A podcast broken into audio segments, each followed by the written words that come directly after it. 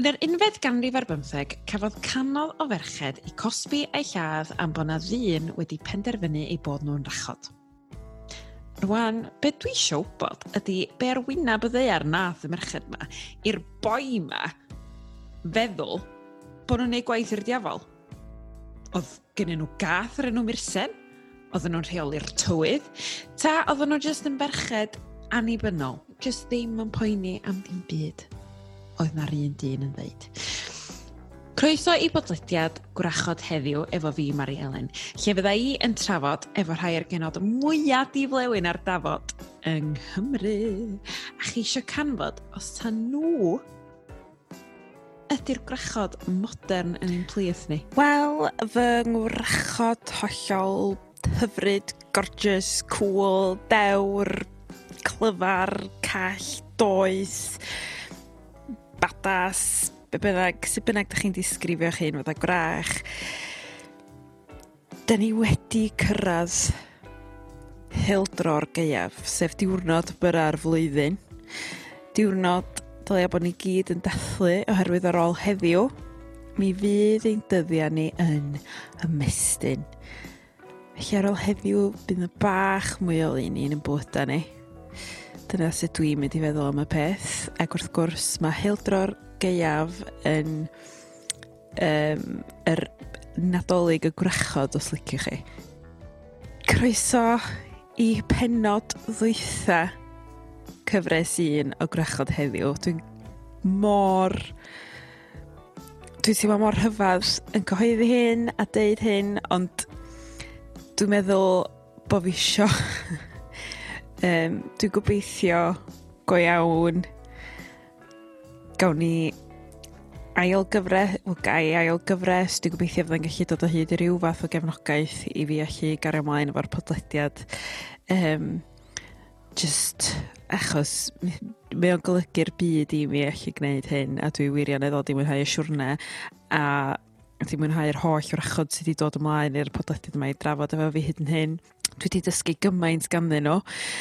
Um, a dwi rili really balch o cael bod yn rhan o deulu um, podlediadau Cymru uh, dros y misoedd dwytho yma, da ni wedi gweld fatha llwyth o podlediadau anhygoel jyst yn sbrowtio fyny.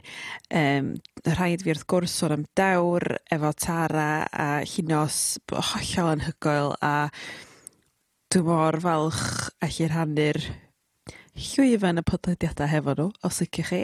Merched yn gwneud music hefo fy ffrind Anwyl, Anwyl, Anwylaf Elan Evans um, yn gyfweld merched yn yr sîn gerddoriaeth yng Nghymru. Mae'n ma' ar ei o ond yy y rhai yna dwi'n mynd i sôn amdanyn nhw, jyst achos bod fi'n dilyn thema gwrachod pwerus wrth gwrs.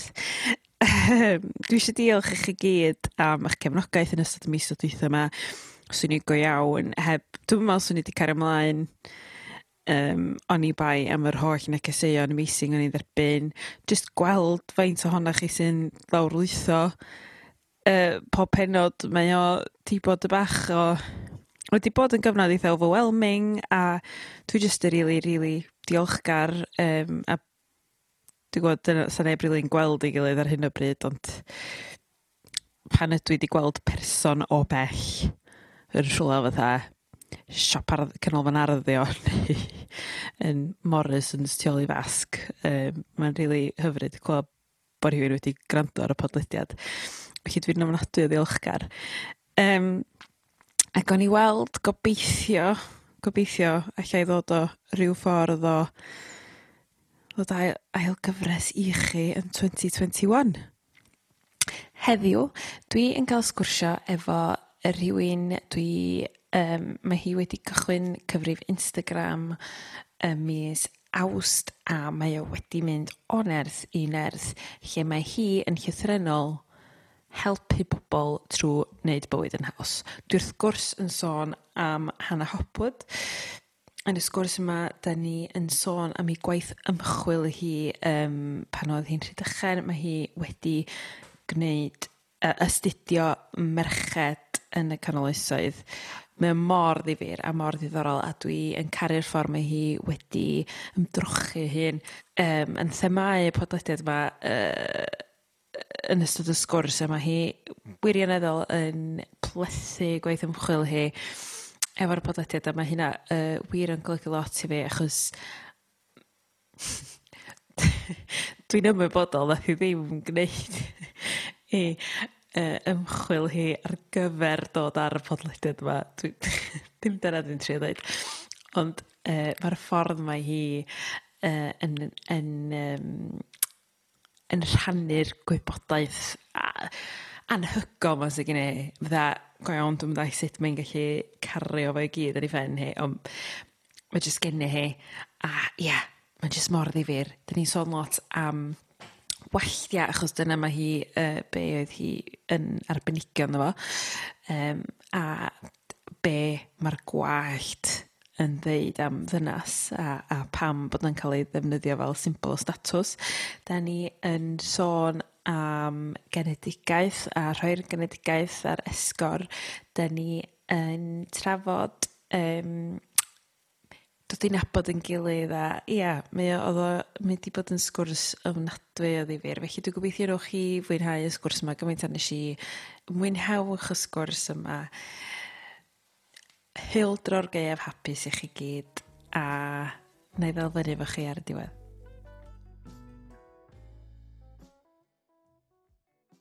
Dwi'n mynd i gael. Oh. Sorry. Dwi'n i yn mynd i gael. Oce, okay, Hannah. Um, croeso. Mhm. Croeso i podlediad y grachod hyn. Ie, Yeah, mor excited i fod na. Na, na, na, na, diolch i ti. Fi'n poeni bod fi'n mynd i fod fel bach re-excited achos fi'n teimlo mae'r pobl ti wedi cael yn mor ffantastig. A fi fel, oh my gosh, fel yn i'n gweithio ti'n y neges. Fi fel, fi ddim yn teimlo bod fi'n digon... Wel, mae'r pobl wedi bod yn wych, ti'n wad. So, um, gobeithio byddai'n ei cyfiawnder y ti. Gobeithio byddai di eisiau darlledu fe. oh, wrth gwrs, na, gysi negas gen ti yn dweud er mwyn i chi gael dall, dy hyn i chi sy'n gwrando. Um, o'n i wedi gofyn i hana ddod ymlaen, a wedyn gysi neges yn deud, Um, dwi'n meddwl bod fi digon gwrachedd dwi'n w- dwi'm yn fi digon diddorol ond ti'n ofnadwy diddorol. Um, Oh gosh. Ti wedi bod yn astudio mae gen ti Em Phil a mae gen mm. ti D, Phil?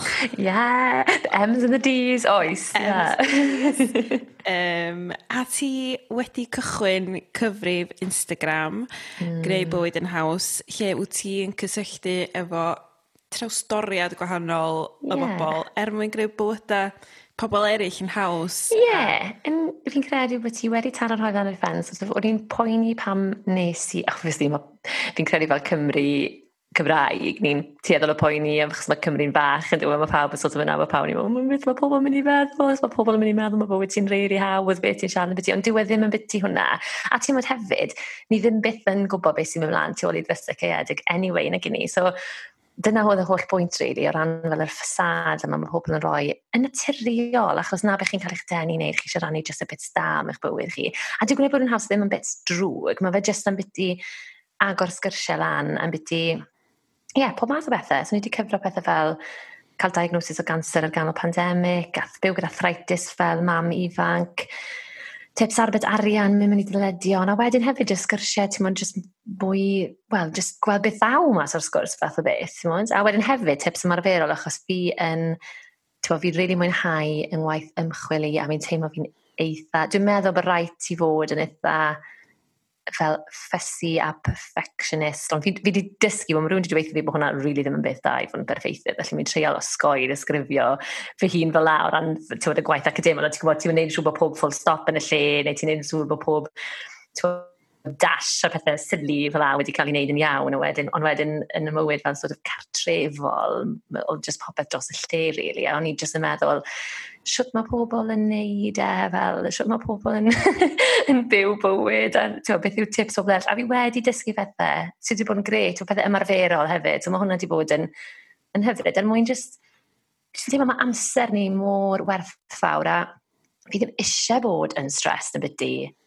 Sa'n mod, ti'n mod, tylluso bethau fel la, ond wedyn mae fe yn boddran fi so fi kind of fel t'wo' fi'n meddwl weithie bydd gwrach fel o oh, sim ots ambyti ond so fi fel o oh, ie sim ots ond actually ma' fe. so ti'n gwybod fi fel ie yeah. fi'n licio cael y y cyngor 'na 'fyd a mae jyst yn rili braf dysgu wrth bobol eraill, fi'n meddwl.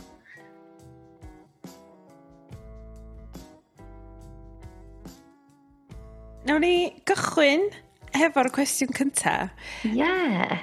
Um, pa nodweddion sydd gen ti sy'n debyg i rai gwrach yeah. conventional? Wel, mae hwn... Ie, yeah, so gwrach conventional. So pan fi wedi bod yn gwrando ar dy bodlediad ti, os ti'n wedyn yn yr introduction ti'n dweud fel, ti'n siarad gyda menwod sydd yn ddiflawn ar dafod y gati fel na, mae hwnna jyst wedi gwneud fi panig os fi'n meddwl falle bod fi ddim yn ddigon thraeth. So fi'n pwynt, ti'n wed, ie, yeah, so fi'n meddwl bod fi wedi fel gor-analyso'r holl gwrach thing hyn o'r feddwl am dy bodlediad i. Ond, fel, os ti'n meddwl am gwrach traddodiadol, ti'n o ran yn anffodus falle, sef mae pobl edrych, pan ti'n gweld gwrachod yn mewn lluniau llyfrau plant ag ati, yn dyfe, pam, pam ti'n cael dyfu lan, ti'n gweld nhw fel yn wyllt ag ati. Um, mae gyda fi gwallt, ti'n modd, sydd yn eitha gwyllt a pethau fel na, fi ddim yn poeni o gwbl am beth beth fi'n beth fi'n gwisgo, beth fi'n edrych fel, fi ddim yn, ie, yeah, so fi'n credu bod hwnna'n cyd-fynd. Fi'n meddwl falle, Ie yeah, a mae hwnna'n rhywbeth fi kind of wedi derbyn hefyd yn ddiweddar bod yy bod yr agwedd yna fywyd ddim yn yn poeni fi. T'mo' fel fel criw o ferched fel os ti'n byddet ti'n mynd mas ne' rhywbeth, fel beth mae pawb yn gwisgo fi literally byth yn gwybod beth fi'n mynd i wisgo 'na ti'n fi jyst e ddim yn e ddim yn rhywbeth sydd yn poeni fi felly falle bod hwnna yn yn nodwedd. Um, hefyd fi wedi byw gyda merched o'r oesoedd canol a yr syniadeth o'dd wedi um, dod i ôl i lot o'r syniadaeth yn byty gwrachod drwy fy ngwaith ymchwil i am ryw ddegawd nawr, so fi'n teimlo mae hwnna falle'n rhywbeth eitha gwrachaidd o ran bod wedi bod yn ei cwmni. Nid falle bod nhw yn rachod per se, ond ti'n modd, ie, yeah, y syniadaeth hyn wrth feddwl am rachod a wrth feddwl am yr agweddau tuag at fenywod a y pethau yma sydd dal wedi treiddio trwyddo i ni heddi. A oedd hwnna'n rhywbeth oedd yn rili, really, rili really agos at fy nghalon i rili, really, achos fi'n credu mae da fi ystod eang o ffrindiau a fi'n meddwl falle bod ni gyd yn eitha gwahanol ar yr un olwg, ond wedyn mae lot o rhinweddau yr un peth. Ti'n bod, dim lot beth yw eich swydd chi neu eich cefndir chi neu fe bynnag, ti'n bod yn y bôn, mae lot o'r pethau pan ti'n dod at fenfod yn eitha tebyg, a mae jyst yn neis wneud y cysylltiad yna. Fi'n credu wrth astudio yr agweddau sydd wedi adeiladu lan at fenywod, um, sut ni'n gweld yn hynna'n sut mae cymdeithas wedi pwysio ni mewn i ryw fath o rôl ac ati. Ti'n fi'n meddwl wedyn, mae wedi bod yn neis i ddeall hynny, a ti'n gallu deall y byd heddi chydig bach yn well hefyd, fi'n meddwl.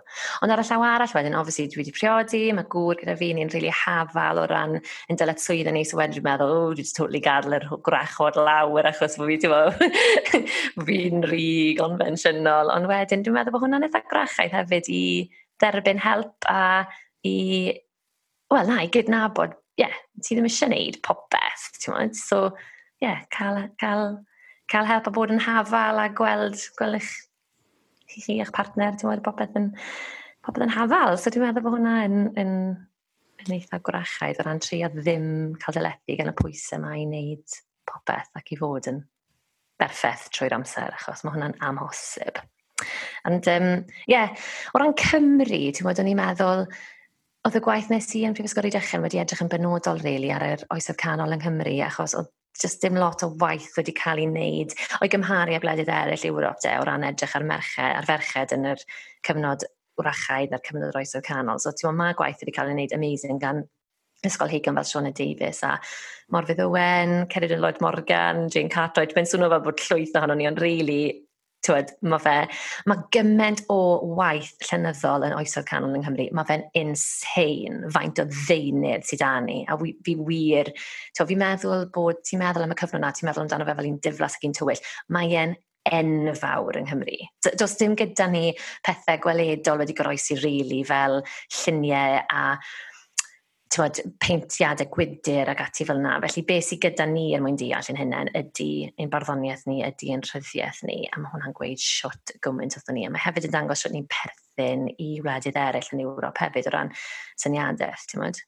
Ac ar yr ochr grisnogol hefyd, ni lot ohono ni wedi cael ein codi lan yn mynd i'r ysgol sil a, ti'n mynd i'r capel, a wedyn ti'n ti'n cael cyfle hefyd i edrych ar effaith Crisnogeth ar fenywod. Um, a oedd e jyst mor bwerus yn y wedi gwrth feddwl am brachod, ti'n meddwl bod, bod nhw'n gwneud gwaith y diafol ac ati. Felly, ia, yeah, mae jyst mor, fi wedi bod yn, yng nghwmni y merched cryf arbennig ma dros ddegawd, a fi'n meddwl bod hwnna wedi, wedi wneud fi'n eitha... Um, yeah, wedi wneud fi i, i werthfarogi menywod, da. Be nath dy denu di at pam est ti fewn i'r maes penodol yna? mm. O's o rhywbeth am uh, y cyfnod? Ie yeah, wel ti'n meddwl, fi'n credu gyda fi rhyw fath o ddarlun yn 'ym o ran y cyfnod yr oesoedd canol bod yn rhyw fath o rhywbeth magical a lot o spells ar y digwydd so fi'n credu bod hwnna'n eitha gwrachod fi ma' 'dy fi dychymyg rili byw fel fel insanely o fyw. Felly fi'n credu, o'n i wastad wedi cael yn eni tuag at hwnna, pam nes i fynd i Brifysgol Cyrdydd, oedd yr pobl fel Sione Davies a Dyla Foster Evans o'r dalithwyr were just yn anhygoel o ran i gwybodaeth nhw, a nes i rili really cael yn hynny fewn. Ti'n bod oedd modiwl y ferch yn yr oes o canol, a dim lot o'n i'n neud yr, yr ochr na o bethau, a fi'n credu o ti'n rili really cael y sylw un o'r ddyn na wedyn a o'n i'n meddwl, ti'n meddwl, mae actually gap fan hyn i wneud ymchwil, so ti'n goffa feddwl weithiau ti'n lle mae'r bwlch, a o'n i'n meddwl, mae angen wneud mwy fan hyn. Um, felly ie, yeah, cael yn hanio fy na yn Brifysgol Cyrdydd, a fi credu bod hwnna'n rhywbeth falle gwrachaidd hefyd o ran pan ti'n meddwl am mynd i'r Brifysgol, o'n i'n rili really mwynhau dysgu, dysgu. a o'n i'n meddwl, ti'n bod, fi'n credu falle yn yr ysgol o ti'n treial fel cuddio'r ffaith bod ti'n really, actually, just yn really enjoyo addysg a do na, fi ddim yn adolygu, ti'n fi ddim yn mynd i wneud hwn, fel, ti'n bod, fel fath na o agwedd, whereas actually, pan nes i fynd i'r brifysgol, o'n i'n meddwl, fi actually yn eisiau dysgu, a fi'n meddwl na i, to na i just bod yn fy hunan o'r dechrau, a os ydy pobl ddim eisiau bod yn ffrindiau gyda ti am hynny, ti'n meddwl, that's totally fine, ond digwydd bod, a ti just yn bod y hunan, a ti'n sylweddoli mae pobl, wel, dim bod fi ddim wedi bod fy hun o'r cynt, yn dweud, ond ti'n meddwl, a pobl dal yn hoffi, a maen nhw'n parchu ti os ti just yn bod yn onest, gweithio, actually, fi, fi'n edrych mlaen i fynd i'r gladlaeth ma neu fe bynnag, ti'n So, oedd hwnna'n neis, cael cyfle i rili really fwynhau addysg, a wedyn, ie, yeah, cwmpo mewn i'r MPhil yn edrych ar fenywod yn y bedwerydd ganrif ar bymtheg, y bedwerydd ganrif ar ddeg ar bymthegfed, a wedyn mynd i'r dychen, oedd hwnna'n rhywbeth o'n i wastad wedi eisiau wneud, ond ddim rili'n really ddigon hyderus yn 18, a fi'n rili really falch eis i ddim yr oed yna i fi. Fi'n môr falch o'r bedair blynedd ges i'n Nghaerdydd a'r ffrindiau fi wedi wneud. Um, tywed, nhw nath roi'r hyder i fi rili really, i dreial. So nes i blwyddyn a jyst cael blwyddyn, un o, well, un o flynydde gorau mywyd i. Um, eto yn just cael ymdrochi dy hun mewn addysg a dysgu a gwerthfarogi dysgu wrth arbenigwyr a bobl eraill oedd yn mwynhau yr un fath o bethau a rili really cael agoriad llygad. So wedyn, ie, yeah, so na siwr ges i'n enni mewn iddo fe, rili. Really. Um, ar yr ochr mwy ymarferol. Ond ni jyst wrth fy modd yn darllen y llawysgrif yma ac yn gweld nhw ac yn meddwl am yr hanes, fel ni'n gweud, mae David Dychymig byw, yn meddwl am yr hanes tu ôl iddyn nhw, siwt nhw wedi cael ei ac yn Gymraeg fyd, ti'n modd, fel o, mae fe just yn amazing, fe yn anhygoel, ti'n y papur a popeth amdano fe. A, ma, a oedd papur mor bryn, so oedd pob gair yn cael ei sgrifennu yn rhywbeth oedd pobl oedd yn meddwl oedd yn werth pasio ymlaen. So mae hwnna'n eitha cŵl hefyd t'mod yym mm o feddwl amdano fe. Ti dod, ti dod yn fyw pan ti'n sôn am dy waith ymchwil di? O, ti'n meddwl? O, ia, wel, fi'n meddwl nawr ar y pryd, twyd, mae fi'n cyrfa unrhyw ti'n gorffen darn mawr o ymchwil yn just ddim wedi eisiau edrych yna fe am spel ar ôl ni, mae just mor traumatic. gorffen popeth. A hefyd, mae fel babi bach i ti. Ti'n ti dechrau'r syniad ma, ti'n tyfu fe, a mae'n gyd yn dod at ei gilydd, a mae fe fel, oh, ti'n ti paso hwnna ymlaen wedyn i'r arholwyr. A... Na, fi, fi, fi, fi, mae wedi bod yn neis wrth baratoi'r gyfer y sgwrs tyn, cael cyfle i, i i ddod nôl i edrych dros bethau. A ni'n meddwl falle beth sydd gyda ti ddiddordeb i glywed, ti'n gwybod, um, fel yn dy waith di sy'n edrych ac yn edrych ar hanes grachod ac ydy'r yr holl symbolaeth yma. Dwi'n meddwl, so gwallt, edrych ar wallt oedd yr, yr PhD y diffyl a edrych ar sut ydyn ni'n darllen gwallt. Okay? So, basically, ni gyd yn, wedi cael ein cyflyru i ddarllen pobl o ran sut maen nhw'n edrych, sut maen nhw'n edrych o ran eu gwall nhw o ran beth maen nhw'n gwisgo. A mae hwnna, yn debyg, yn ôl y seicolegwyr a'r anthropolegwyr a pobl sydd yn edrych ar ymddygiad pobl yn pobl yn trio wneud y fath o statement am ei hunain, ti'n Felly pan ti'n meddwl am bethau fel Marines, maen nhw gyd gyda gwallt sydd yn fyr, ti'n meddwl am fel uh, punks, ti'n meddwl, pethau, sydd yn amlwg mae pawb yn unigolyn, ond ti'n kind of perthyn i ryw grŵp yn ôl, ti'n meddwl, sut ti'n steilio dy wallt, dyna beth oedd y ddadl. A wedyn, mae hwn yn un o'r pethau mwyaf hynafol mae pobl wedi bod yn neud ar hyd y blynydde. Mae, mae enghreifftiau o, um, wel, o pobl oedd yn cael eu cysegru i'r diwiau er enghraifft yn y bledydd Celtaid, yn nhw'n cael eu, eu taflu mewn i fel y bogmens yn nhw'n galw nhw. A wrth nhw, ni'n gallu gweld, so maen nhw'n dod mas o'r bogs yma, yn cael, mae'r ma, conditions yn yr llynnoedd yma gati wedi cadw cyrff nhw mor berffaith fwy neu lai, bod pobl yn tri nhw fel llofruddiaethau modern, maen nhw mor fel dda, ti'n bod o ran safon y cyrff ar ôl y holl flynydde, achos mae'r cymegion ag ati wedi cadw'r cyrff, a ti'n lli gweld lliw y gwallt, ti'n lli gweld pethau fel bod nhw'n rhoi resin a plant-based oils a pethau yn ei gwallt er mwyn treol trin. E. Felly mae pobl wedi bod yn treial edrych ar ôl i gwallt, a'r negeseuon o'r gwallt yn ei roi ers canrifoedd maith. A dwi'n meddwl pan ni'n meddwl am rachod a'r gwallt gwyllt yma, mae hwnna gyd yn dod nôl i y pwysau aruthrol oedd ar fenywod i edrych yn brydferth ac i gadw i gwall nhw o dan reolaeth. Felly, o ti'n edrych ar yr cysyniadau sy'n tu ôl i hyn, oedd gwallt yn cael ei cysylltu. So, yn yr oesoedd canol a cyn hynny, o'n nhw'n meddwl bod pob peth oedd yn ymwneud â'r corff yn cael ei cysylltu mewn rhyw ffordd gyda'r ddeiar a gyda y planedau. So nhw'n, ti'n meddwl, mae lot o bobl yn dechrau meddwl nôl fel hyn eto o ran ein perthynas ni gyda'r bydysawd a'r perthynas ni gyda'r ddeiar. Ond nhw'n rili'n credu'n gryf yn hyn. A oedd pob rhan o'r corff yn cael darn o'r ddeiar. So'r gwallt oedd porfa a tyfiant a coed. So, mae'n gwneud synwyr rili really o ran y pethau sydd ar y top, yn dyfa, fel y pen, a mae'n tyfu o hyd. So, hefyd oedd yn cael ei cysylltu gyda y lleiad. So hwnna oedd y planed oedd yn cael ei cysylltu gyda gwallt. Nawr, pam ti'n meddwl bod y lleiad hefyd yn cael ei cysylltu gyda cilch misol ferch, mae pobl weithiau'n dweud bod ti ar y dyleiad pam ti ar amser y mis, a hefyd mae'n rili really hawdd weddwl am yr tyfiant yma wedyn, sut oedd gwallt wedi dod yn symbol o ffrwythlondeb merch. Felly, Oedd hwnna yn holl, holl, holl bwysig. So oedd merched yn yr oesoedd canol wastad yn cael gwallt hir, achos oedd hwnna'n dangos bod nhw'n gallu, bod nhw'n ffrwythlon, bod nhw'n gallu tyfu i gwalltiau ac ati. Um, a dat i'r negeseuon ma wedyn fel os o ti yn ddibriod, o ti'n cael gadw dy wallt lawr os yna'n dangos bod ti ar gael. Wedyn unwaith o ti'n priodi, fel ni dal yn gweld weithio o ti'n gwisgo feil mewn priodas, so oedd hwnna'n dangos, hwnna'n dangos y transition ma mewn i fod yn wraig briod, a wedyn o ti'n cyfro dy wallt di, oedd hwnna'n dangos i gymdeithas bod ti, tywed heb eiriau, oedd hwnna'n dangos i gymdeithas bod ti yn, um, yeah, bod ti, bod ti briod, bod ti wedi, bod ti wedi cael dy gymryd fath o beth. A wedyn, oedd gwahanol lefelau eto wedyn o ran pwy oedd yn cael gwisgo y fath wahanol y benwisg. So dim ond menwod o status hyn a hyn oedd yn cael gwisgo penwisg oedd gyda gemau ynddo fe. A rhaid i rhywun priodd yn o'r safonau dosbarth is gwisgo saf, um, gwisgo llun o'r defnydd hyn. Oedd hwn i gyd yn gyfraith oedd yn cael ei sgrifennu yng nghyfreithio hywel dda.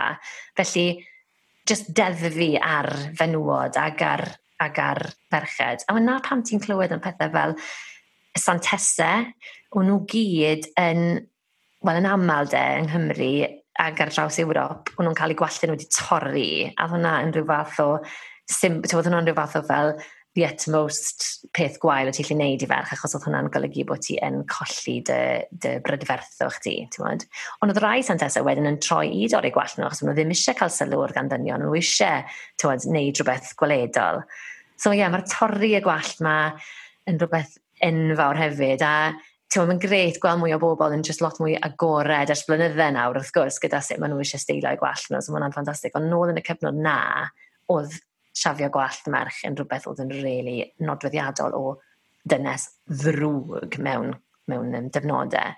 A bys nhw yn Llundain yn yr oesoedd canol yn siafio gwallt merch ac yn neud iddi. Os oedd wedi, os oedd wedi cysgu gyda rhywun arall, ti fas i ffrioda si, ti'n meddwl bydden nhw'n siafio gwallt yn gyhoeddus, a wedyn yn cerdded i reit o ganol y ddinas i fynd â hi'r carchar, jyst oedd wedi'n cael ei siomi. A oedd hwnna'n rhywbeth o'n i'n gweld yn yr ail ryfel byd yn digwydd, yn Ffrainc, ti'n os oedd merch wedi cysgu gyda milwr arall, um, ti'n modd, y gelyn, bys hi yn cael yr un driniaeth, a ti'n gallu gweld y lluniau yma ar, ar y gwefan y British Pathau. So, ie, yeah, mae fe'n ma fe yr un peth eto, ti'n modd, treial wneud rhywbeth gweledol i ferch, i ddangos na, ti'n goffod, ni'n goffod roi reolau yma arna ti, a ti'n modd, ti'n goffod cael dy, ti'n goffod cael dy brydfertho chdi wedi dynnu oddi wrtho ti, achos ti ddim yn heiddi fe.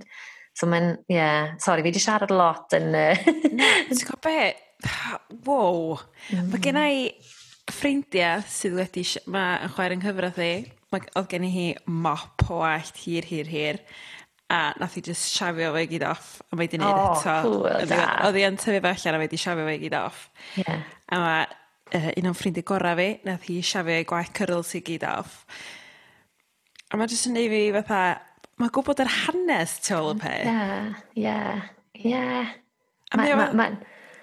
Ond ti'n o'r merched ddim yn gallu ennill, ti'n gweld, achos oedd, oedd hwnna yn arwydd, o, yn arwydd gweledol, ti'n fel, ti'n gweld, unrhyw un sydd wedi torri gwallt yn ddech chi'n gwybod mae'n gallu cymryd amser i dyfu nôl, felly oedd e'n rhywbeth bydd yn aros gyda'r merch am amser hir o ran y symbol gweledol yma bod wedi wneud rhywbeth, bod hi wedi wneud rhywbeth wastad y ferch, wedi wneud rhywbeth drwg, ti'n gweld. Ond wedyn, Oedd cael gwall, gadl eich gwallt yn hir hefyd yn gallu weithiau dangos bod chi'n rhi nwydus ag ati. Ti'n meddwl am Efa, Venus, môr fyrynion, wastad gyda gwallt hir sydd yn rhedeg yn, yn, yn uchel ac yn temptio dynion. So, ti, yeah, oedd e'n rili really anodd oedd rai reoli a gwallt yn rili, really, rili really ofalus er mwyn peidio cymlethu y negeseuon cymdeithasol yma. So, ie, yeah, o'n nhw just ddim yn gallu, ddim yn gallu ennill. Ac yng Nghymru, oedd y forwyn fair oedd fel y absolute golden girl. Oedd, oedd siwt gwmynt o eglwysi a chapeli yn cael ei cysegru iddi hi.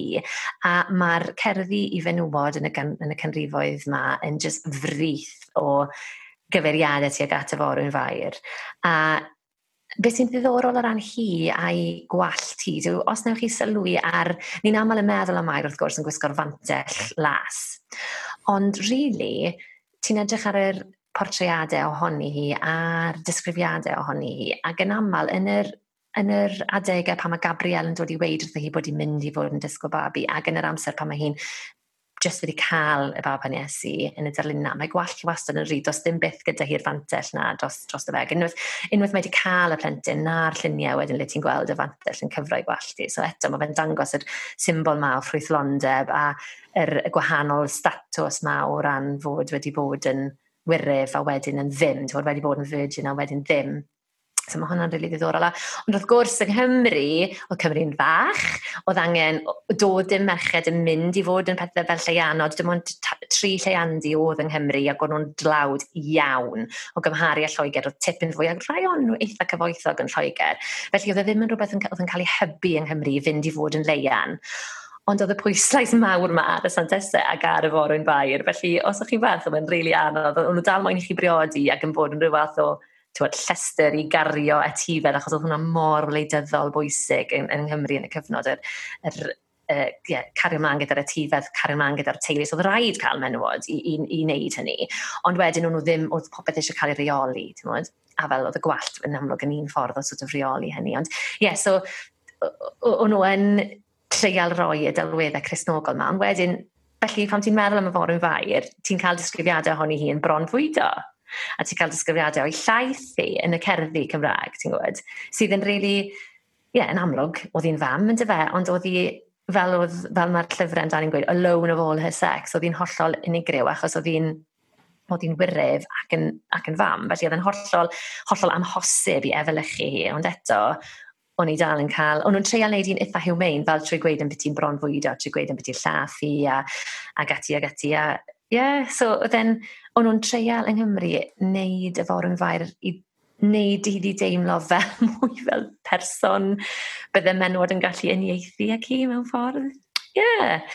Felly mae'n reit, mae'n reit ddiddorol ddo i feddwl sut mae'r pethau yma yn, yn falle dal yn treiddio trwyddo i gymdeithas o ran pwy ni neu meddwl dylech chi edrych mewn un ffordd penodol, ond ti'n oedd hwnna'n cael ei ddeddfu am ganrifoedd, felly does dim syndod fod e'n cymryd sbel felly i bethau fel na i ddiflannu, ti'n gwybod? Wow, dwi'n teimlo fel... Sori, na, fi'n teimlo fel bod fi wedi darlithio nawr, a mae hwnna ddim yn dda. na, ma... Awkward. Mae'n briliant. Dwi, dwi, fatha, yn gwerthfawrogi. Do'n i'm yn dallt bod yna gymaint o hanes tu ôl i wallt. Mm, a mm dwi'n meddwl, mae gwallt dwi wastad wedi bod yn berson eitha sensitif efo gwallt achos... mm. dwi'n teimlo oh, dwi'n gwbod dwi yn gwybod bod gwallt pobl yn gallu cael nhw lawr lot. Mm. A mae ma' gwybod yr hanes... mm. lle mm. mae hynna'n hmm, dod... mm. ...mor... Mm O ti'n modd ni'n neud raglen un o'r penodau gwneud bod yn haws pen o'r pedwar um, bydd yeah, bydd croeso i chi o wrando nôl ar BBC Sounds ond mae hwnna i gyd yn biti gwall a hynaniaeth, a mae hwnna i gyd yn biti yr ffaith bod gwall yn rhywbeth gwleidyddol o hyd. A ni'n siarad gyda Melanie Owen sydd o gefndir aml, aml Hill a Sian Jones sydd yn rhedeg cwmni Doldeb Peng Hyrdydd sydd yn neud braids a t'mod ma'r ffaith bod chi, os chi ddim yn meddwl bod gwall chi ddim, os, e- os chi'n meddwl bod gwarchu ddim yn rhywbeth gwleidyddol, mae hwnna'n dangos sefyllfa o fraint i chi'n byw yn ddi. Cys, ie, yeah, roedden nhw'n dweud, ydy, mae yn rhywbeth gwleidyddol. A oedd um, awdures o Nigeria, wel, yma, ie, yeah, oedd hi wedi sgwennu llyfr yn Americana, Chimamanda Ngozi Adichie yna fi. Falle bod chi'n gwybod amdani, achos mae Beyoncé wedi, canu, wedi defnyddio ei geiriau hi mewn lot o'i chaneuon hi. Bod, mae wedi mae di wneud TED Talks, why, should, why We Should All Be Feminists ac ati. A mae llyfr hi yn absolutely amazing. A mae Americana yn agoriad llygad o ran gwallt menwod dion. A mae hi'n edrych ar yr hanes o ran bod yn fenyw o Nigeria yn America a ie yeah, bod gwallt yn wleidyddol Oedd hi'n teiri byse rhywun fel Michelle Obama ddim wedi cael, byse Barack ddim wedi ennill yr arlywyddiaeth tas y Michelle Obama wedi gadael ei gwallt hi yn ei stad naturiol. O rhaid iddi mouldio ei gwallt mewn i fersiwn gorllewinol o'r First Lady, ti'n tymod, trafodiadol ma. Felly mae fe'n rhywbeth gwleidyddol Fi'n teimlo out of bed depth yn siarad am hwnna, ond by raid i chi rond yn ôl i weld beth mae'r beth ma drafodaeth i ni, i ni, i ni, i ni, i ni gael. Ond um, Ia, ac wrth gwrs wedyn, ti'n mae pobl yn, yn colli gwallt a maen nhw'n teimlo bod nhw'n gallu colli i hunaniaeth nhw. O'n i'n gwrando o'r cyfweliad nath, Jim Amanda, ar raglen newyddion a oedd yr um, darlledwr wedi agor lan yn byty famedd, wedi cael alopecia a sydd oedd hwnna wedi, wedi effeithio fawr o'r teulu. Really. Ti'n modd o ran e, bod y selder wedi dilyn hynny ag ati. A ie, mae ma, ma just, ma fe'n... Achos yn wahanol i ddillad, ti'n ni'n gallu dewis beth ni'n gwisgo. Mae pobl yn gweud bod yn debyg o ran bod ti'n neud rhyw fath o statement o ran beth ti'n gwisgo a sut ti'n neud y wall. Ond mae gwallt yn dod ohono ni, so mae fe wahanol, mae fe'n organig, mae fe'n rhywbeth i ni'n sy'n dod ohono ni yn wahanol i ddillad, yw dillad ddim yn dod ohono ni, mae fe'n rhywbeth i chi'n rhoi arno. So, a mae fe'r unig ran o'r corff, ti'n gallu torri, lliwio, mouldio, breidio, yeah, tyfu eto, na'r unig ran o'r corff ti'n gallu neud hwnna. So, na'r unig really ran ti'n gallu siapio i sort of, tywed, naillai bod yn rhywun arall i ti eisiau bod, neu just a, cymryd e fel ma fe. So mae fe, ma fe mor, mor bwysig um, yn hynny o beth o ran, o ran yeah, hunaniaeth pobl yn gyffredinol. So mae fe'n ddifur.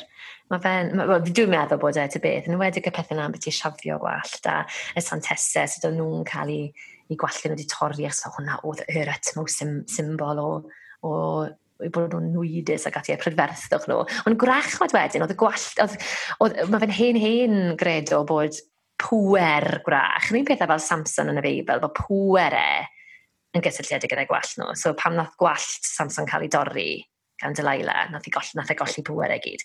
Rhyn peth gyda gwrachod, ond nhw'n meddwl bod i, i pŵer nhw yn byw yn eu gwall nhw. So, dde wastad yn, yn rhan o'r um, rai o'r pethau fel yr, yr exorcisms o fod yn digwydd am beth i gwrachod. Yn, y gwall fes yn ei chael hi. A, er, a fi ddim yn siŵr os ti'n yna'n i fan iawn, ond Maleus Maleficarum, neu rhywbeth fel a Henrik Kramer a, a Jacob Sprenger o'r o cyfnod yr oesoedd canol, hwnna eitha notorious o ran witchcraft a cael gwared o'r achod, oedd e'n ofnadw o greulon, dogfen really dylanwadol um, yn dod o, os fi'n cofio'n iawn, ffydd gatholig a just, yeah, just trial really cyfiawnhau cael gwared a, a lladd um, menwod oedd yn, oedd yn cael ei hystyried yn fachod a'r gwallt oedd yn ei chael i fy nawn o'n meddwl taw, taw o'r gwallt ma oedd yr, um, oedd y pwer gwrachod yn dod.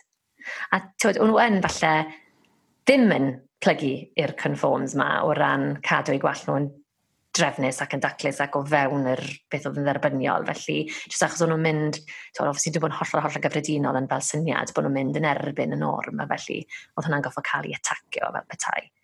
A ti'n gweld hwnna'n yn llenyddiaeth ni fel yn, chwedle ywain a peredur, a Cos beth sy'n rili really ddiddorol am y rhyddiaeth, okay, yw bod fel ni'n gweud, oedd papur ag ati yn really bryn. So mae'r disgrifiadau sydd wedi goroesi yn disgrifiadau oedd y pobl oedd yn sgyfnodi'r ein yn meddwl oedd yn really bwysig. A um, Tywed, ddim amser gyda ni nawr fel ni nawr i fod yn really ddisgrifiadol yn ein llynyddiaeth ni. Tywed, oedd e'n goffo bod to the point.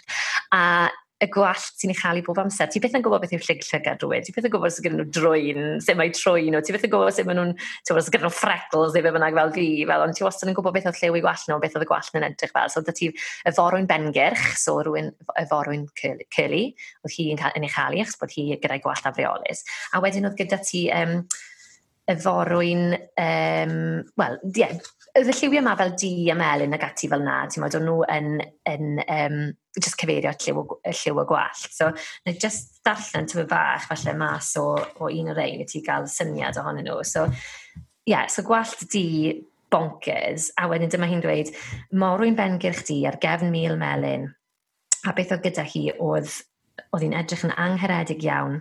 Oedd hi dwylio hi mor ddi a'r he, a heiarn dod i'n roedd i'n hagar, roedd i wyneb i um, upside down ac ati, roedd gyda hi ddanedd melyn. A mae hwn i gyd yn cael ei gysylltu gyda'r ffaith bod gyda hi wallt bonkers di. A mae lot o bobl wedi darllen hwn fel rhyw fath o symbolaeth o y ddeiar a y pethau gwyllt mae natur yn gallu roi i ti. Ti'n pethau pobl yn ofni fel y pethau tywyll sydd yn ymwneud, yr egni tywyll sydd yn y ddeiar, a oedd hwnna gyd yn cael ei bortriadu gan, wall, gan fenyw gyda gwallt mawr di. A mae hwnna'n mynd nôl at ti at Medusa, pobl blaen, chwedlonaeth groegaidd a'r sarf, y seirff, mae'n un sarf, sy'n gwybod hwnna, yn dod mas a gwallt i, ti'n fel yn dyna fel yr argraff o ti'n ei chael. So oedd e y wastad yn, oedd y disgrifiadau yma wastad yn yeah, just nuts, ti'n modd, o ran gwallt merch, os, os oedd hi gwallt i'n afreolus, oedd hi'n fach, oedd hi'n berig, oedd hi'n mynd yn erbyn y drefn. So, ie, yeah, maen ma nhw'n really, really ddifur um, yn fy marn i, yn dy fy mari.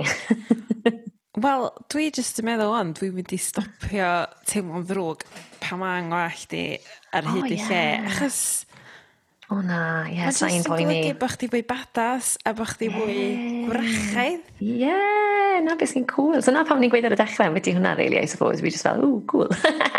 ma' gwall fi'n uncontrollable Great, t'wod yeah. So dati'r corpus 'ma o ryw un deg pedwar cerdd sy jyst yn sôn am wallt merch 'na 'na 'na beth yw pwnc yr cer- y cerddi 'ma. Literally a ti'n siarad yn llinellau, go cywydd, cywyddau eitha hir yn just canolbwyntio ar wall merch a gweud pa mor brydferth o dde a bod e'n, tymod, yn, yn dangos bod hi'n ffrwythlon fel fi wedi dweud yn barod ac yn dangos bod hi'n yn brydferth a o, ni just mae'n twtio fe. A ti'n disgu lot o ambiti styles y cyfnod hefyd, a ti'n disgu lot am y gwahanol fath o blethiadau oedd yn y gwallte a'r gwahanol weirs yn ymdynyddio, fel rhywbeth o fel fel ni'n defnyddio fel wrth o extensions, o ti'n siarad yn ambiti extensions, a ambiti sut bydden nhw'n torri gwallt i morynio nhw ac yn rhoi hynny yn eu gwallt nhw wedyn, plethu hwnna mewn er mwyn cael mwy o abundance er mwyn edrych yn fwy ffrwythlon. So ti'n dysgu lot yn ambiti ffasio yn y cyfnod hefyd drwy'r cerddi ma sydd wedi groesi, a mae hwnna'n reit ddiddorol hefyd. Um, a hefyd ti'n dysgu ti'n tymach am ti masnach hefyd rhwng, rhwng fel Ffrainc a Chymru a llefydd fel la, achos fel y deunyddiau yma sydd yn dod o Baris a, a defnyddiau fel Sidan oedd yn dod o'r llefydd goren, Ffrainc a Marseille ag ati. So um, mae hwnna'n ddiddorol. Mae lot o bethau ni'n gallu dysgu am y cyfnod drwy'r drwy'r cerddi. So fi wedi mynd completely off um, tangent. Uh, sa i ddim yn cofio beth oedd y cwestiwn. So, os fydde hwn yn gwestiwn mewn fel arholiad academaidd, fydde fi ddim wedi gwneud yn dda iawn. Dylen ni fel nawr, yn, os fydde ni mewn fel arholiad neud sgwennu treitho, bydde ni nawr yn siarad dod yn, and to sum up um, this uh, essay, I would like to, so yeah, nodweddion grachod. sorry. Yeah. yeah. Na, Ti'n mynd i fel editor hwn, ie? Yeah? na. Oh. Ond na, dwi'n meddwl mae o'n dangos dy fod ti'n rachaidd, oherwydd yn amlwg, ti'n caru ymchwilio a ti'n caru gwneud gwaith ymchwil a dyna di graidd gwneud bywyd yn haws ti'n ymchwilio yeah. uh, ti'n ymchwilio bobl yeah. sydd yn gallu gwneud bywyd yn haws i yeah, bobl yeah, yeah. a dwi'n meddwl mae beth ti'n gwneud yn hollol rachaidd achos mi oedd yn y marni mi oedd grachod yn ferched clyfar t'bod oedd yn hoffi um, addysg ac ella bod dysgu mwy am y byd yn cyffroi nhw ac oedd hynna efallai yn bygwth cymdeithas os oedd dynas yn gwybod gormod neu os oedd hi. Mhm. A dwi'n meddwl mae merched sydd eisiau dysgu a mer- merched sy'n caru addysg yn hollol wrachaidd a felly dwi'n meddwl bod chdi 'di atab Oh, cwestiwn mewn ffordd. Oh, goodness me. Ni'n gwybod beth hwn yn digwydd. Sorry, sorry, sorry, sorry. Ti'n angen ymddiheir o uh. siw. Be di'r peth fwy o grachau ti wedi gwneud? so, diolch. Funny you asked. Fi'n meddwl y peth mwy o gwrach fi wedi gwneud ydy tapo mewn i a really grondo ar fy nghorff i big time yn ystod beichiogrwydd yn ystod genedigau. So nes i cael bryn mor yn y cartref a os bydde rhywun wedi dweud wrtho fi, bydden ni ddim wedi credu nhw. Ti'n cwpl o flynyddoedd yn ôl, o'n i, a nes i gael nes i rili really fwynhau yr enedigeth. Fi dal yn cofio fe, literally ble fi nawr, ti'n fawr yn gathau enni. A um, fi'n credu nes i rili really dysgu lot yn beth, beth oedd yng Nghorff fi'n gallu neud, beth o'n i'n gallu reoli, sut o'n i'n gallu reoli anadl a yr egni a pob math o bethau, ti'n bod, ymlacio, y pelvic floor, sut oedd dysgu am y pelvic floor, bod e'n fod yn, yn ti'n bod ni fod yn hau, ond bod ni hefyd fod yn lacio fe ar gyfer genedigeth, ti'n bod e'n fod yn soft ar gyfer gen i babi ac ati. So fi'n credu oedd cael yr hyder i wneud hwnna, a kind of cwffio yn erbyn tymor bach beth o'n i'n meddwl o ran yr ofn o beth os ydy pethau mynd yn wrong a, a pethau fel yna. Chos nes i siarad gyda Heledd Cynwal, os oedd hi wedi cael plant i getre. Hi oedd yr unig person ni, a Lora Caradog o'n i'n nabod, um, oedd wedi cael plant gytre, a fi'n cofio gofyn hi, o, ti'n modd o ti'n poeni am beth i fel worst case scenario, nath i jyst mynd na. A ni fel, ww, fi ddim, so fi fel ddim fath na o berson, ond fi yn y fath na o berson. So, oedd hwnna'n rhywbeth oedd rhaid i fi rili really gofyn i fi hunan beth o'n i'n gyffyrddus gyda, a ie, yeah, a, a, a yn y diwedd, edrych ar, edrych ar y darlun llawn a meddwl, na ddyn rhywbeth o'n i eisiau neud, a jyst i Iwan a fi, fi'n credu, oedd y ddau yn y digen yn really special, a oedd hwnna achos bod fi wedi really tapo mewn i'r fel cryfder, fi'n credu, sy'n fi nawr yn gwybod sy'n gael ti fewn i fi. Sy'n di bod, fel fi'n gweud, yn newid byd. a mae hwnna gyd wedi dod o ddysgu am dysgu am yoga, dysgu am yr egni sydd yn y ddeiar, yn ddo ni, sut i shifto egni. So fi'n aml nawr yn sort of tapio fy hunan, fel o'n i'n wedi symud egni o amgylch y corff a, a mae di wneud bywyd yn haws i fi. a just profiad. A fi'n credu, fel fi'n gweud, fi'n fi, fi teimlo'n wael weithiau bod fi wedi cael profiadau positif, a fi'n gwybod bod hwnna'n sylu, ond fi'n fi credu bod yn bwysig i siarad yn dan nhw hefyd. Ti'n modd, sori, ie. Yeah. Dwi, yn hollol, ges i fi eisiau'n lwcus iawn, ges i brofiad amazing pan ges i'r hynna. Um, a o'n i wedi bwriadu gael home birth efo'n ail a o bob dim yn barod. Right. Dyn ar digw bod y due date ys i fewn, chos o'n i fydda, o, mm. pam eisiau fewn? Unig bod fi'n mynd teimlo gymaint o cakes, neu oedd o, mm.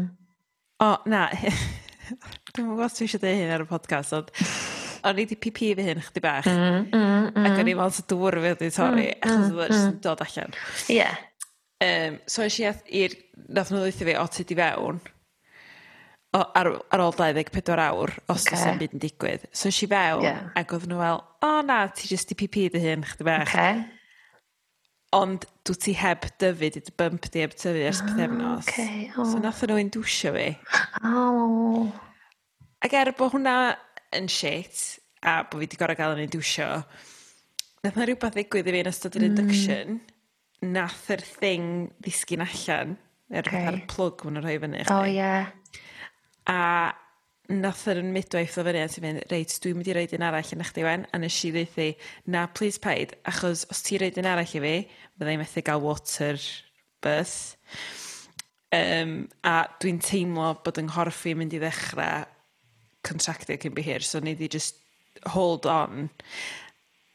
A o'n i'n gallu deud be oedd yr o'n i'n gwb... mi nes i ddech contractio a nes i roi genedigaeth mm. mabon dwy awr wedyn a yeah. oedd o just fel ti'n deud ella bod y sefyllfa heb fod yn ddelfrydol bod fi wedi gorau gael ni'n diwsio ond nes i allu oh, cymryd yeah. control a yeah. dwi'n meddwl bod o'n bwysig i ni ddall hynna fatha merched bod, bod yr gallu gennym ni i wneud hynna ac i fynd... Fi'n credu corff, hefyd. Corff chdi ydi o. Ie. Yeah. A um, mewn geni, dwi'n meddwl dyn ni... Swn i byth yn siarad mor... Fatha, deud wrth bobl be i wneud, fatha o, pan o'n i yn cael y mapus ei. ond o'n i'n mm. gwybod be oedd yn gweithio i fi ac o'n i'n yeah. gwybod... O oh, yeah, absolutely. So, yeah. so, Mae rhaid i ti fod yn hapus gyda dy benderfyniad i hun. A ti'n bod, hwnna'r peth pan mae pobl yn, yn gofyn nawr am beth i hwmbeth a pethau. Fi'n credu na'r peth pwysica rili yw bod ti yn cant y cant hapus gyda mynd amdani. Er- achos, ie, yeah, ti'n ti'n goffo bod. A, a mae pethau sydd yn mynd mas o dy reolaeth di. A wed, ond beth, beth oedd yn... Beth oedd yn dda o ran dysgu am y pethau falle ti yn gallu reoli, hyd yn oed pan mae pethau'n mynd. So gyda Aneirin, oedd pethau ddim wedi mynd, fel, ti'n dwi pethau beth yn mynd to plan, ond ti'n gofsi mynd lan i'r Labour Ward ac ati, a oedd um, problem gyda'r dŵr fi. Um, so, ond o'n i'n meddwl, byddwn ni wedi mor hawdd gallu ffrico mas ar y pwynt na, massively, a falle wedyn ddim cael profiad da, ond byddai hwnna wedi cael knock-on effect ar yr wythnosau yn dilyn y gen ti. Wel, fi ddim yn gwybod achos dim na beth digwyddodd, ond fi'n cofio meddwl, oce, okay, right, ydw i'n mynd lawr y trywydd na neu ydw i'n mynd lawr y trywydd hyn. A'r un peth yn y pandemig, ti'n oedd o'n i'n meddwl gyda just bywyd yn gyffredinol, ydw i, a nes i mynd lawr yr poeni yn ormodol, ti'n modd, o'n i'n bleachio popeth oedd yn dod mewn i'r tŷ. Oedd ei wan yn fel goffod aros ti ffas y drws am ages am bod fi fel di gorffen fel, a ti'n fi'n chwerthin amdano fe nawr, ond fel drian a fi, oedd e jyst yn rhoi lan dy fe chwerthin, so fe'n gwybod o bod hwnna'n helpu fi i teimlo fel rhyw fath o reolaeth dros beth oedd yn dod mewn i'r cartref ni ar, ar gyfnod oedd yn reili ansicr. Ond hefyd, ar ôl, ar ôl cwbl o'r nosau, fi'n cofio un So, so ni wan, um, yn gweithio ar adran newyddion na, oedd nhw ar ryw Zoom call a oedd y Tesco Delivery wedi cyrraedd, a o'n i fyna lan i fy nghyseile mewn bleach, a nath e yn eirin fel touch a packet, o'n i ddim wedi bleachio, a nes i just mynd yn ned, Iwan, gloi! A goffodd e adael y cyfarfod yn dod lawr, a, ti'n ar ôl hwnna, nath o'n i just benderfynu, sa'n neud hwn agor. Tywed, fi nawr yn cymryd reolaeth yr ochr arall yn mynd, na, sa'n neud hwn. A nath hwnna neu bywyd yn haws. Ti'n modd, i just benderfynu, fi ddim yn mynd lawr y rwt yn ragor o boeni, boeni, boeni, poeni. Ti'n modd, ni just yn mynd i fod yn synhwyrol iawn. A wedyn, ie, yeah, fi, ti'n modd, mae pethau wedi bod lot haws ers derbyn na ond fi'n cyd yn deimlo gyda unrhyw un sy'n yn dal yn, yn goffod. So, oedd y parseli yn pailo lan, ti'n fas drws ffrontir, achos o'n i ddim eisiau dod mewn yn ymwyr tŷ a pethau. So, fel, fel fi'n gweud, fi'n gallu chwerthin amdano mewn, ond mae'n really real ar y pryd, fel y peth. So, fi ddim yn gwybod beth fi'n meddwl yw Covid, o'n i just yn genuinely meddwl bod e fel just, sa'n mo, pop yma.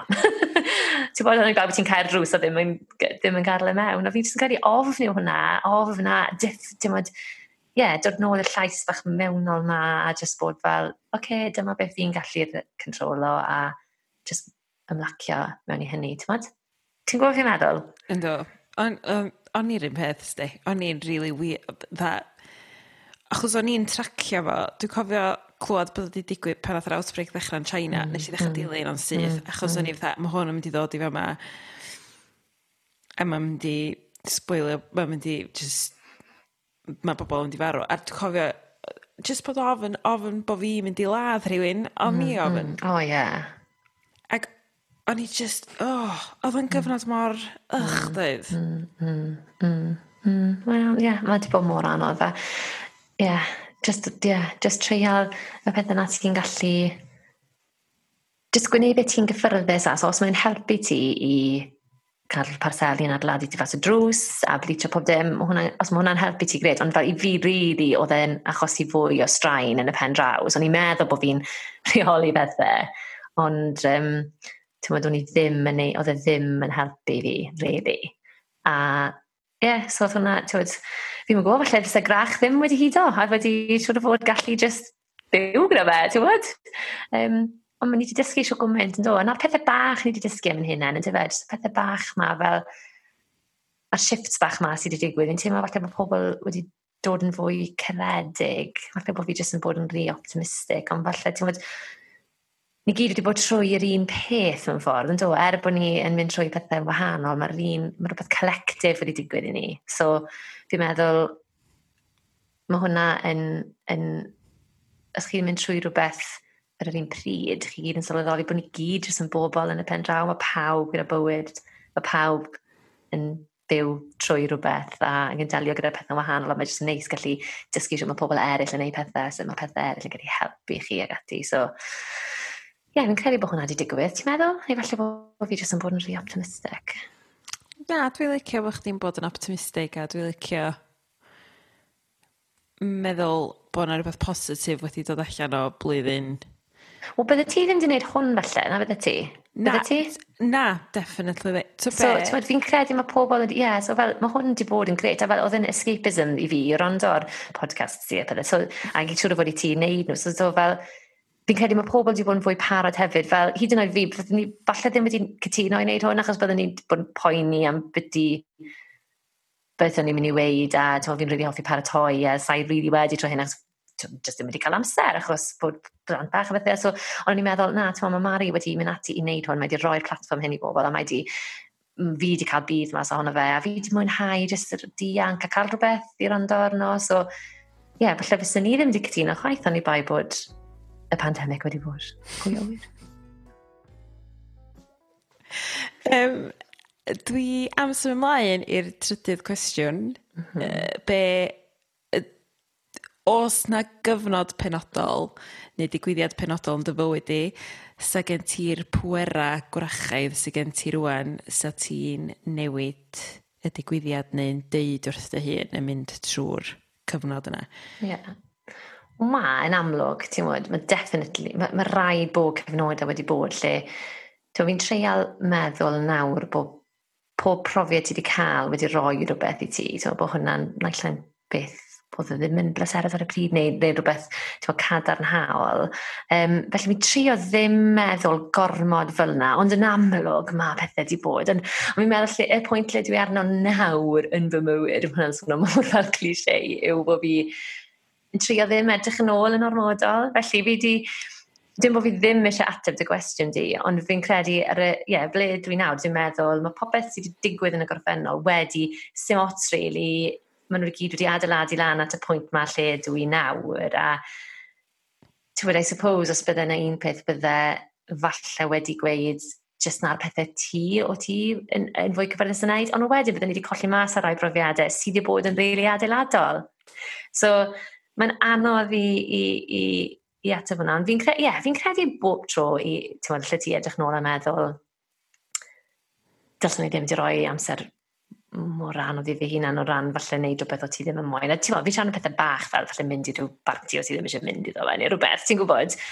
Ond maen nhw'n eitha pwysig yn dweud, dechrau just trysto dy lais di a bod yn, bod yn onest. A mae hwnna'n rhywbeth fi yn gyda fy ffrindiau nawr, ti'n gwybod, maen nhw fel, o ti eisiau, obviously ni ddim yn gallu neud i fi nawr, ond ti'n fel, o ti eisiau mynd fan hyn, neu ti eisiau neud hwnna fi, o actually, na, fi ddim yn ffansio neud hwnna.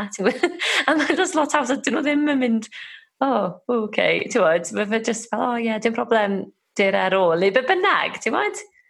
So ie, yeah, mae'n credu mae hwnna'n yn, yn un, ond treial jyst meddwl bod profiadau, unrhyw profiad sydd wedi digwydd i ti a sefyllfa sydd wedi wneud wedi, wedi arwain at y person wyt ti heddi a felly ie, yeah, bod pethau cadarnhaol yn gallu dod mas o unrhyw, unrhyw brofiad a dyna lle dwi arni ar hyn o bryd.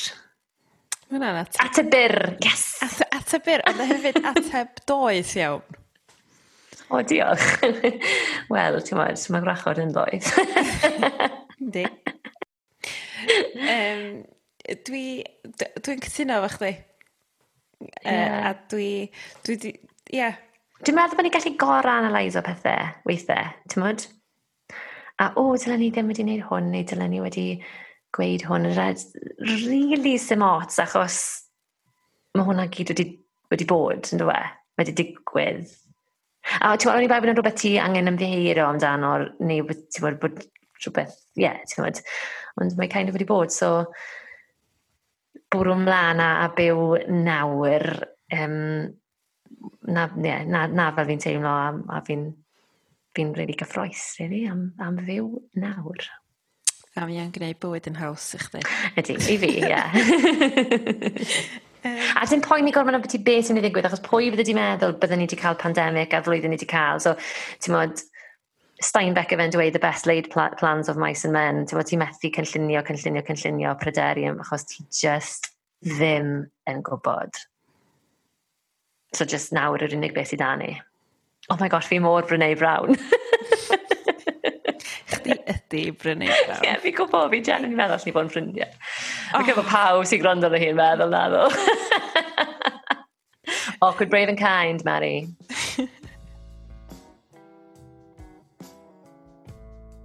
O oh, ie, yeah, wrach! Ie, ie, ie, ie, ie, ie, Pwy ydy'r gwrach neu'r gwrachod ti'n edmygu fwyaf byw yn farw?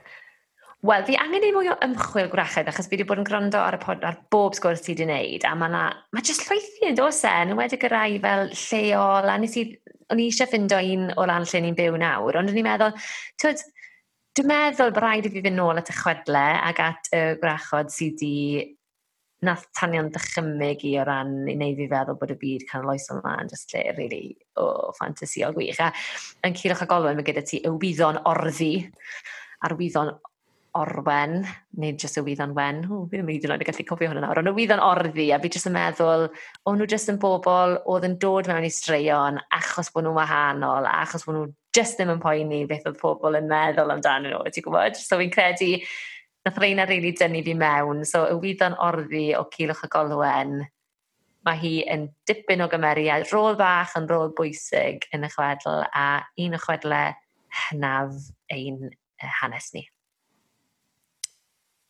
da. Ti'n meddwl? Ynddo, dwi'n meddwl bod hwnna'n yn dewis, do'n ni'n mynd disgwyl. O, oh, ie, yeah, wel, ti'n meddwl the originals yn dyfe o rei, y grachod greiddiol Cymreig, falle, o ran, yn, tywa, beth sy'n dan i'r bapur, de. So, o rein mae'r ei eraill i gyd wedi dod. dwi'n trio cofio, nes i wneud Cylch ag Owen lefel A, a dwi mae'n gwylydd gen i, dwi'n mwyn cofio. Ie, yeah, mae'n gymaint mwy cilwch y golyn na beth sy'n cael ei wneud yn lefel A. Fi, na beth, na, fi, fi, fi mwy wneud yr oesodd canol yn fwy accessible, achos fi'n credu mae fe mor gyfoethog, a mae jyst gymaint ni'n lli dysgu am ni fel Cymru, a am symboleth ac am darllen pobl, a o'n nhw yn meddwl, fel ni wedi sôn, o'n nhw yn dehongli symboleth lot a pethau. So fi'n credu mae lot o negeseuon pwysig yn dod yna. Fi'n credu mae angen neud e'n fwy agored a fwy diddorol. Um, felly mae hwnna'n rhywbeth fi, fi eisiau neud in 2021. It's going to be the year. uh, yeah, neu rhywbeth o... Ha. Fatha, nid o'n Game of Thrones i dda, fatha. Wel, ie, yeah, ti'n meddwl, fi ddim actually wedi gweld hwnna. Fi mod. Hwna di fel, hwnna di fel eh? bai paso fi. Ie, yeah, fi'n gwybod. Mae jyst wedi mynd heifo fi, fi ddim yn gwybod, ti'n gwybod, fel, ie, yeah, falle o'n i'n rhi trwy'n yn y llyfrau. Fel, mae rai pethau fel, o'n i'n rili obsessed gyda Grey's Anatomy, a o'n i'n fel deg mlynedd, sa'n gwybod fel mlynedd yn fod, o'n i'n fel blynydde yn hwyrach yn dod at hwnna. So fi jyst yn credu bod fi'n dod at bethau bach yn hwyrach yn y, yn y pwynt sydd yn iawn i fi yn fy mywyd. So na i definitely wylio fe. Well, Ti'n rili credu hwnna? na, achos mae yna un peth um, yno fo oddach chdi'n pan oddach chdi'n sôn am merched yn siafio gwallt a bod nhw'n neud fatha seremoni yn Ffrainc yeah. bod nhw'n siafio gwallt yeah, yeah, y ferch yeah. mae hynna'n digwydd a maen nhw'n rhedeg ar ôl dyna sy'n mynd shame shame ar ôl gwneud oedd hi Wel, mae rhaid i fi edrych ar hwnna a yeah, ychwanegu hwnna at fy ymchwil. Dwi'n mynd i wisgo fy hat. Fi wedi dod y hat gwrachaidd i orffen y sgwrs. Oh. Ar ym hen i, mae ser dros fi, nath o'n eirin cael hwn yn parti cael yn geiaf y cilch. Um, a ni'n meddwl mae'n addas. Waw! Oedd yn anreg neis yn dod. Yn dweud, hwnna'n het rili. Really. mae'n het neis. A tasan ni yn rach iawn, dwi'n meddwl het flen ni'n cael, achos mae'n eitha lliwgar. Yndi, mae'n lliwgar, mae'n ddel iawn.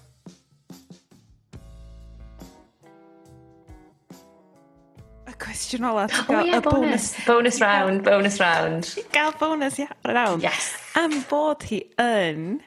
Yeah. Adeg yn adolyg. Yeah. A bod y dyddiau mynd i ymestyn ar ôl heddiw, o, da ni'n dathlu hildor o'r gaeaf. Be dwi eisiau bod gen ti, os gen ti unrhyw gynlluniau gwrachaidd ar y gweill? Nathon ni rili really mwynhau byd natur ac ail gysylltu gyda byd natur eto yn ystod y lockdown a dwi ddim yn berson sydd yn cael yn effeithio'n ormodol gan y tywyllwch pan mae'n tywyllu'n gyda dwi eitha lico fe. Ti'n mynd gwybod mae pobl ddim yn hoffi fe, fi eitha lico fe. Fi eitha lico meddwl bod y byd yn cysgu a fi'n teimlo fi'n gobeithio wrth bod e'n ymestyn eto bod hwnna'n rhyw symbol o bod ni yn tywed, rhywbeth o ddadenu arall a tywed, wel, dwi'n meddwl bod yna lot o bwysau wastad ar y flwyddyn newydd. Dwi'n poeni bod yna ddisgwyliadau enfawr ar gyfer 2021 i fod yn flwyddyn amazing. So fi'n teimlo bach yn sori dros 2021. Fi'n mynd i take the pressure off 2021 a just cymryd beth sy'n dod. Ond byddai yn croesawu y dynod yn ymestyn eto yn gallu gallu mynd mas a aros mas, ti'n meddwl, yn yr awyr agored yn chydig bach edrych. So, edrych mlaen, bu- mae'n mynd i fod yn... Dwi yn hollio cytuno efo chdi, mae angen rhoid y pressure off 2021. Ond nath ni rei gorfod y pressure ar 2020. Oedd e fod yn flwyddyn mor dda, oedd yn symmetrical a popeth. Drian. O, bechod. Ie, ie. Ond ti'n gwneud i dysgu pethau, dyn ni? So, Do, mi enda ni wedi dysgu pethau. Uh, ia. O, oh, Diolch fawr iawn. Na, diolch i ti Mari. Fi'n sori bod fi wedi siarad shwt gymaint. O oh, na dwi'n Sori pobol sy'n gwrando.